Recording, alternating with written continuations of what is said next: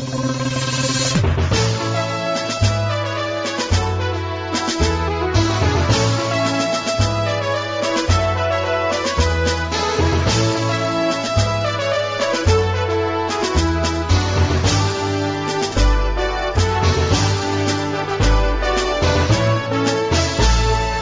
नमस्कार। कार्यक्रम हेलो सांसदमा तपाईँलाई हार्दिक स्वागत छ। म लील प्रकाश चन्द। कार्यक्रम हेलो सांसद सामुदायिक सूचना नेटवर्क सीआईएनले उत्पादन तथा प्रसारण गर्दै आएको छ। यो कार्यक्रममा विशेष गरी संसद सांसद र संसदीय समितिहरूलाई नागरिकसँग जोड्ने उद्देश्यले विभिन्न प्रकारका सामग्रीहरू प्रसारण गर्ने गर्छौं। प्रतिनिधि सभाको कार्यकाल सकिएको र आगामी मंगिर चारको लागि निर्वाचनको मिति तय भइसकेको अवस्थामा आगामी निर्वाचनबाट सांसद कसरी छान्नुपर्छ? आज त्यसबारेमा हामी छलफल गर्दैछौ। छलफलका लागि हामीसँग संविधानविद विश्लेषक निलाम्बर आचार्य हुनुहुन्छ। यहाँलाई हार्दिक स्वागत छ। धन्यवाद छ नमस्कार। विगतको पाँच वर्षको हामीले समीक्षा गर्दा विश्लेषण गर्दा कस्तो देखिन्छ कि हामी कति सयमा सय प्रतिशत सफल भयौं कि केही कमजोरी दोषहरू रहे? त्यहीँबाट अगाडि बढौं। पहिलो कुरा त हाम्रो प्रजातान्त्रिक प्रणाली भनौं लोकतान्त्रिक प्रणाली भनौं अगाडि बढेको छ। कैयौं विकृति होलान् अप्ठ्यारा होलान् नमिल्दा कुरा होलान् तर के भन्दाखेरि यो संविधान अन्तर्गत पाँच वर्ष पश्चात अर्को निर्वाचन हुँदैछ। यो दोस्रो निर्वाचन हो। पहिलो निर्वाचनको शिक्षा पाँच वर्षको शिक्षाले दोस्रो निर्वाचन कसरी गर्ने मतदान कसरी गर्ने र तत्पश्चात कसरी सञ्चालन गर्ने भन्ने चाहिने अनुभव दिन्छ शिक्षा दिन्छ। त्यसैले यो महत्वपूर्ण रहेको छ। कस्तो शिक्षा प्राप्त भयो पाँच वर्षमा? पाँच वर्षमा धेरै शिक्षा प्राप्त भएको छ। केही सकारात्मक शिक्षा प्राप्त भएको छ। केही चाहिने नकारात्मक शिक्षा प्राप्त भएको छ। त्यसैले सकारात्मक शिक्षालाई बलियो पार्नु पर्यो नकारात्मक शिक्षाबाट सच्याउँदै जानु पर्यो यहाँले जुन यो सकारात्मक कुरा गर्नुभयो नि सकारात्मक यो यो क्षेत्रमा राम्रो गर्न सकियो संसदबाट सांसदहरूको सक्रियतामा भन्ने के लाग्छ यहाँलाई? भएको छ नि सांसदहरूको सक्रियतामै त छ नि मुलुकको राष्ट्रियता सम्वर्धन गर्ने कामहरू भए त्यो सांसदहरूकै सक्रियतामा भएका छन् र सांसदहरूले पाँच वर्षमा आफूलाई चाहिने सक्रिय राखेका छन् काम गरेका छन् केही चाहिने विधेयकहरू तयार पारेका छन्। सांसदहरूले कतिपय कुरामा जनगुनासाहरू अभिव्यक्त गरेका छन् कतिपय कुरामा छलफल गरेका छन् बजेट बारेमा छलफल गरेर पारित गरेका छन्। सांसदहरूले चाहिने सरकार निर्माण गरेका छन् सरकार फेरेका छन्। त्यसैले सांसदहरूले भूमिका आफ्नो गरेका छन् नि। सामान्य गर्नुपर्ने संसदीय प्रणालीमा गर्नुपर्ने भूमिकाका यी केही पक्षहरू हुन्। त्यसैले त हाम्रो संसद जीवित छ सरकार जीवित छ निर्वाचन प्रणाली जीवित छ संसदीय प्रणाली जीवित छ। तर यसमा धेरै फोहोर मैला घुसेका छन् विकृतिहरू घुसेका छन्। यो चाहिँ दुख लाग्दो पक्ष हो। गर्न सकिने त्यति नै थियो कि अथवा अझ धेरै पनि सम्भावना थियो? हेर्नुहोस् गर्न सकिने त धेरै सम्भावना थियो जनताको गुनासोहरूलाई अभिव्यक्त गर्ने मात्रै होइन त्यसलाई सम्बोधन गर्नुपर्ने आवश्यकता थियो मुलुकको विकासलाई अगाडि बढाउनु पर्ने आवश्यकता थियो पार्टीहरूका बीचमा राम्रो संवादको स्थिति निर्माण गर्नुपर्ने आवश्यकता थियो। सबैभन्दा ठुलो कुरा त मुलुकबाट भ्रष्टाचारलाई सक्दो न्यूनीकरण गर्नुपर्ने कुरा थियो। गरिबी निवारणतर्फ अगाडि बढ्नुपर्ने कुरा थियो भनिएका आयोजनाहरू पुरा गर्नुपर्ने कुरा थियो। गर्नुपर्ने त धेरै कुराहरू थिए। कैयौँ ऐनहरू बनाउन बाँकी नै थिए। आफूलाई चाहिने कहाँ कहाँ गल्ती भए समीक्षा गर्नुपर्ने थियो। संसदीय प्रणालीलाई बलियो पार्न के के गर्नुपर्छ भनेर त्यतातिर ध्यान दिनुपर्ने थियो। हाम्रा कैयौँ युवाहरू बाहिर जान बाध्य भएका छन्। मुलुकमै रोजगारी प्रबन्धन गर्न के कसो गर्नुपर्छ त्यतातिर ध्यान दिनुपर्ने थियो पूर्वाधार निर्माण गर्नुपर्ने थियो मुलुकको स्वास्थ्य अवस्थालाई बढी ध्यान दिनुपर्ने थियो धेरै काम गर्नुपर्ने थियो गर्न त ऐन कानून बनाउने थलो नै संसद हो तर संसदमा यहाँले जुन अघि विकृति र केही घिनलाग्दा केही प्रदर्शन अथवा दृश्य अथवा त्यस्तो व्यवहारहरू देखियो भन्नु भने त्यो चाहिँ के तर्फ संकेत गर्न खोज्नु भएको यहाँले? पहिलो कुरा त यही हेरौँ कि हामीले चाहिने सत्तामा जाने र सत्तामा गइसकेपछि कसरी आर्जन गर्न सकिन्छ भन्ने कुराबाट मोटिभेटेड कुराबाट प्रेरित हुन थाल्यो राजनीति।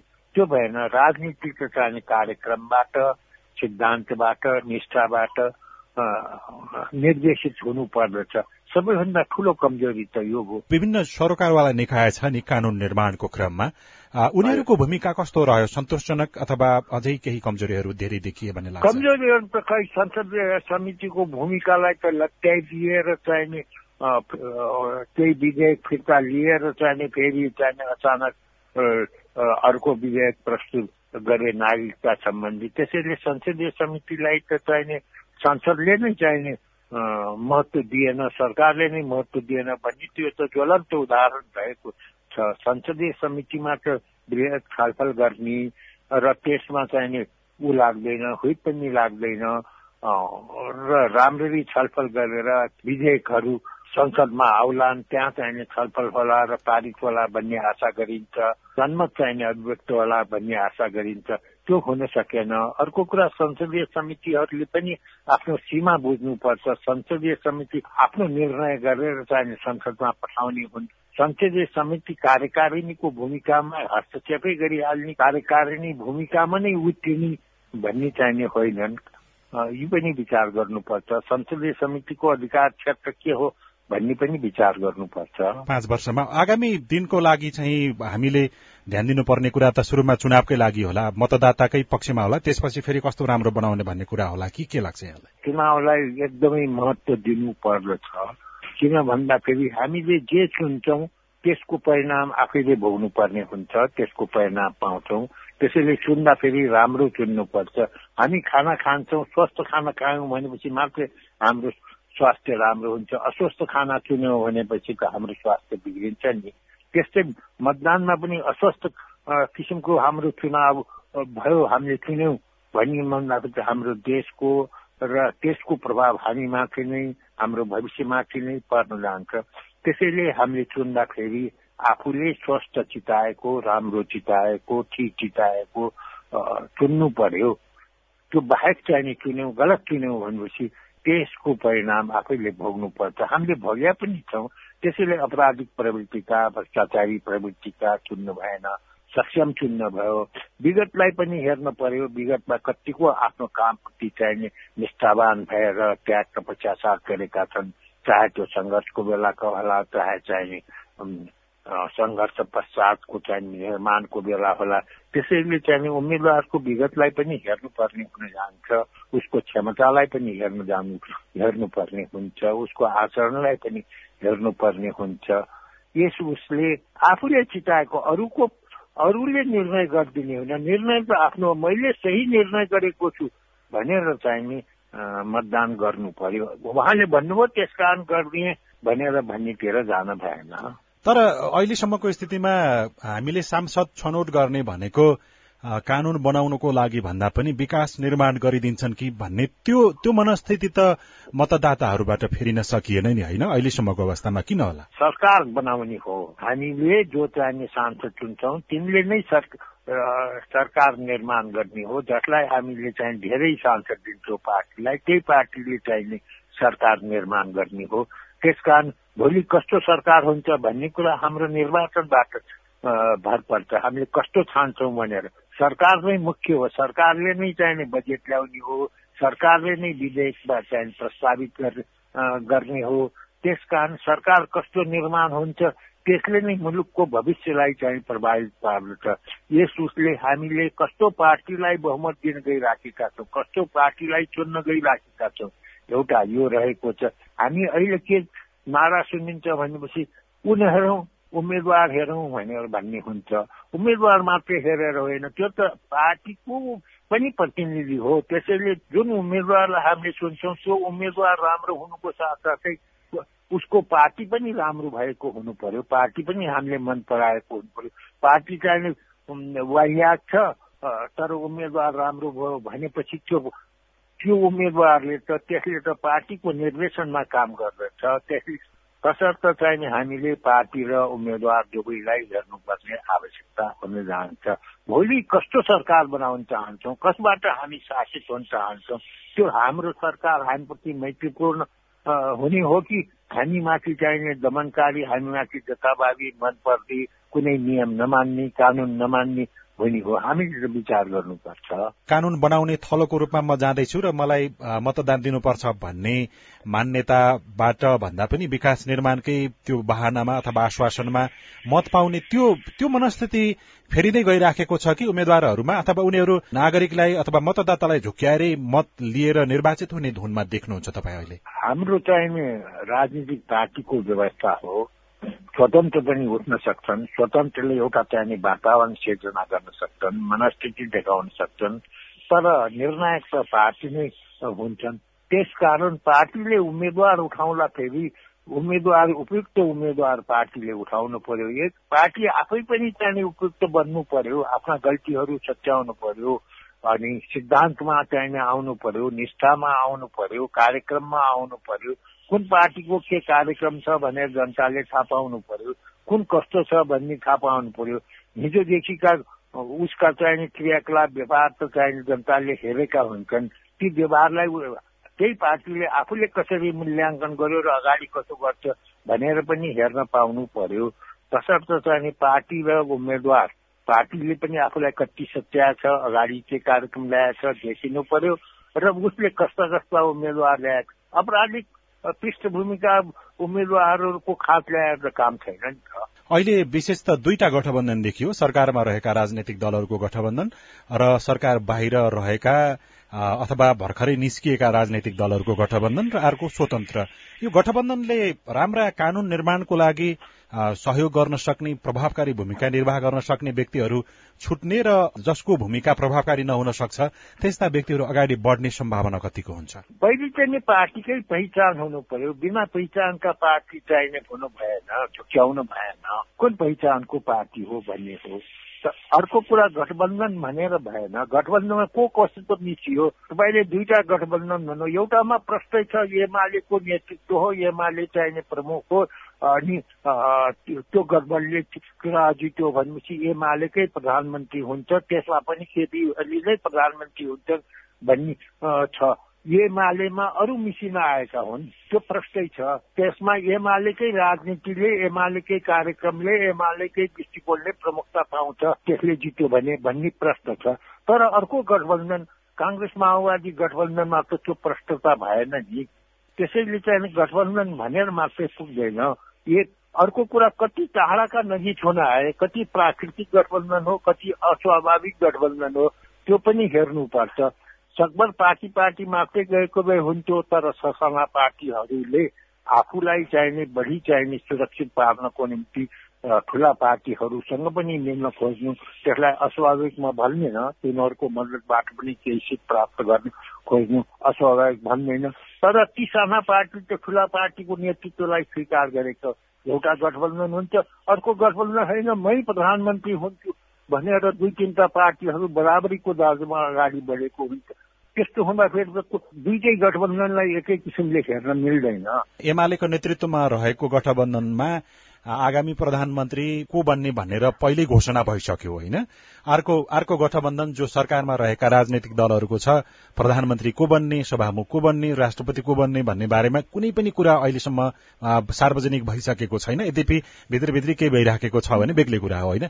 यो भावी संवैधानिक पदहरूमा अहिले नै निश्चित भएर चुनावमा लड्नु र कुनै पनि कुरा नखुलाएर लड्नुले के असर राख्छ? कानून बनाउने भन्ने कुरा पनि सरकारमा निर्भर गर्छ सरकार कस्तो बन्छ भन्ने कुरा हो। सरकारले नै सबै कुरा चाहिने निर्देशित गर्ने भन्ने कुरा हो। तसर्थ चाहिने के भन्नु भने सरकार कस्तो बन्छ भन्ने त मोटामोटी चाहिने मतदाताहरूले आफूले भोट दिँदाखेरि मैले यसो गरेँ भने यस्तो सरकार बन्छ भन्ने त बुझ्न पाउनु पर्यो नि देख्न पाउनु पर्यो। अनि कसको सरकार बन्छ? कुन पार्टीको सरकार बन्छ कुन कार्यक्रमको साथ सरकार बन्छ कुन दिशातिर अगाडि जान्छ भन्ने त प्रश्टिनु पर्यो। अहिलेको सरकारको गठबन्धनले नखुलाएर राम्रो गरेन भन्न ठान्नुहुन्छ यहाँ? प्रधानमन्त्री घोषित गर्ने मात्रै कुरा होइन। अहिलेको गठबन्धनबाट चाहिँ को कसको सरकार बन्छ त? माओवादीको नेतृत्वको सरकार बन्छ कि काङ्ग्रेसको नेतृत्वको सरकार बन्छ? माओवादीको कार्यक्रम अगाडि बढ्छ कि काङ्ग्रेसको कार्यक्रम अगाडि बढ्छ?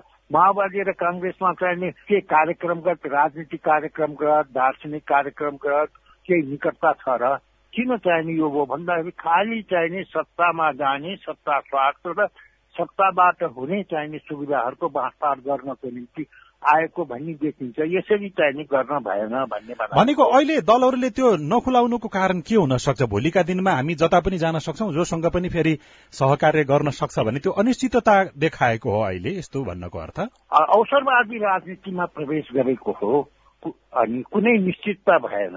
अनि यो नेपालको आफ्नै अभ्यास हो कि विदेश अथवा अरू मुलुकको पनि यस्तै अभ्यास हुन्छ?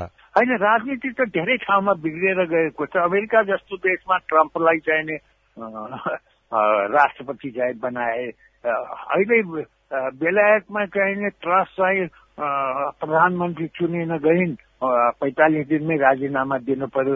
राजनीति त धेरै ठाउँमा बिग्रिँदै गएको छ नि। अन्त पनि त्यस्तो भएको छ भन्नेमा हामीले पनि चाहिने नराम्रो कुरा विकृतिहरूलाई अनुसरण गर्नुपर्छ त्यही विकृतिहरूको नकल गर्नुपर्छ भन्ने त छैन नि। नेपालको सन्दर्भमा विशेष गरी राष्ट्रपति त्यसै गरी प्रधानमन्त्री सभामुख उपसभामुख लगायत जुन जुन पदमा संविधानले गरेको व्यवस्था अनुसार फरक लिङ्गको हुनुपर्ने विभिन्न राजनैतिक दलबाट नेतृत्व गर्नुपर्ने भन्ने जुन लेखिएको कुरा छ नि यो पाँच वर्षको अनुभवले के देखाउँछ? त्यसमा कतिको तालमेल होइन संविधान मात्र चाहिने गर्नुपर्ने कुराहरूलाई त्यति ध्यान चाहिने नदिएको देखिन्छ। पहिलेकै सरकार पालामा पनि भन्नु उपसभामुख नचुनेरै रह्यो लामो समयसम्म त चुनिनु पर्ने हो नि त होइन?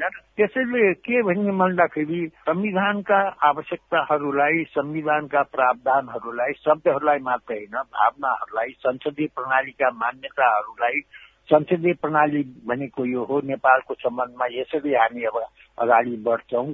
सबै देशको संसदीय प्रणाली एउटै हुँदैन आफ्ना आफ्ना विशेषता हुन्छन्। भनेर त कामै भएको छैन। हाम्रो बौद्धिक क्षेत्रले पनि हामीले काम गर्न सकेका छैनौँ छलफल चलाउन सकेका छैनौँ। खालि चाहिने अन्तिम अवस्थामा चाहिने कुरा गर्छौँ। अनि चुनाव भइसकेपछि हामीले चाहिँ संविधानका विभिन्न प्रावधानबारे सैद्धान्तिक बहस छलफल यो भने यस्तो हो। भनेपछि चाहिँ कसैको पक्ष नलिएर छलफल गरे भन्ने हुन्थ्यो। जब निर्णय गर्ने हुन्छ फाइनल गर्ने हुन्छ त्यस बेला गर्दा एउटा न एउटा लाई त्यसबाट फाइदा हुन्छ उसको पक्ष ल्या जस्तो देखिन्छ। त्यसैले धेरै काम गर्न त बाँकी नै छ त्यो गरिएको छैन।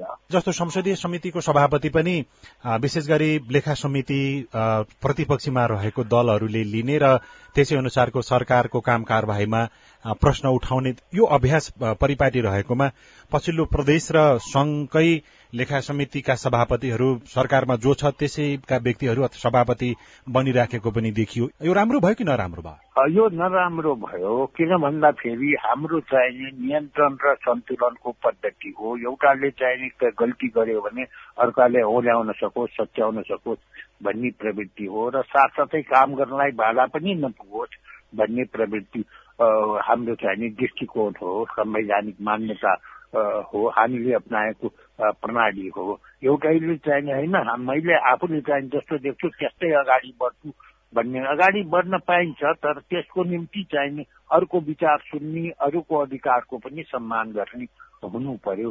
तसर्थ चाहिने के भन्दाखेरि अनियमितता नहोस् भनेर खास गरेर वित्तीय कुरामा अनियमितता नहोस् भनेर नै त्यो व्यवस्था गरिएको हो सार्वजनिक रेखा समितिको चाहिने सभापति चाहिने सत्ता पक्षलाई नभएर अर्कोलाई बनाउनु भनेर त्यो संवैधानिक मान्यता त होइन तर चाहिँ एउटा हाम्रो अभ्यास हो लोकतान्त्रिक अभ्यास हो प्रजातान्त्रिक अभ्यास हो। त्यस्तै नियन्त्रण र सन्तुलनका धेरै कुराहरू हुन्छन् जसलाई चाहिने हामीले पालन गर्नुपर्ने हुन्छ। हेर्नुहोस् न छलफलै नगरेर अनि नियमैलाई चाहिने स्थगित गरेर कुराहरू पारित हुन्छन्। महत्वपूर्ण कुराहरू अचानक चाहिने पारित हुन्छन्। त्यो त मिल्दैन नि त्यसरी गर्न त चलाउँदैन नि। अनि भए अहिलेसम्म जुन यो जुन नियन्त्रणको एउटा अभ्यास सिद्धान्त पालना नगर्नु भनेको सरकारले आफूले जे जे मन लाग्छ त्यही गर्न चाहेरै त्यस्तो गरेको होला भन्ने बुझ्ने कि? अथवा केही अप्ठ्याराहरू अरू थिए? होइन हाम्रो चाहिने एउटा बानी चाहिने पहिलेबाटैको बानी चाहिने गएर छैन। हामीले व्यवस्था बदल्यौँ आफ्नो प्रवृत्ति बदल्न सकेनौँ। हामीले अधिकार पाएपछि चाहिने त्यो अधिकारलाई चरम रूपमा चाहिने उपयोग र दुरुपयोग गर्ने प्रवृत्ति रहेको छ। मैले मात्रै चाहिने गर्छु म एक्लै गर्न सक्छु। अथवा म एक्लै पार्टीले गर्दछु भन्ने रहेको छ त्यो हुन भएन। अनि अरू अरू पनि निकायहरू छन् अरूहरूका पनि भूमिका छन् त्यो भूमिकाको सम्मान गर्नु पर्यो भन्ने चाहिँ हेर्नु पर्यो। अनि अहिले जुन दलहरूले उम्मेद्वार अब भावी सांसदको रूपमा जो जो व्यक्तिहरूलाई अगाडि बढाएका छन् त्यो छनौट प्रक्रियादेखि कतिपय कुराहरूमा असन्तुष्टि त तपाईँले पनि सुन्नुभयो होला। आगामी संसद समावेशीको हिसाबले सहभागिताको हिसाबले कस्तो देख्नुहुन्छ अहिले? आगामी संसद चुनावबाट हामीले आशा गर्नुपर्छ त्यसैले हामीले मतदानलाई पर्खनु पर्दछ तर उम्मेद्वार उठाउने प्रक्रिया जो देखिएको छ उम्मेद्वार उठाउने प्रक्रिया चाहिँ त्रुटिपूर्ण रहेको छ भन्ने देखिन्छ। यसलाई चाहिँ अब चुनाव पश्चात चाहिँ कसरी छत्याउन सकिन्छ के के चाहिँ सुधार गर्न सकिन्छ भनेर चाहिँ गहन छलफल अलिकति गम्भीर छलफल आवश्यक छ जस्तो लाग्छ। त्रुटि भनेको के कुरामा त्रुटि देखियो अहिले? मैले अघि नै भने अपराधिक पृष्ठभूमि भएका किन आउँछन्?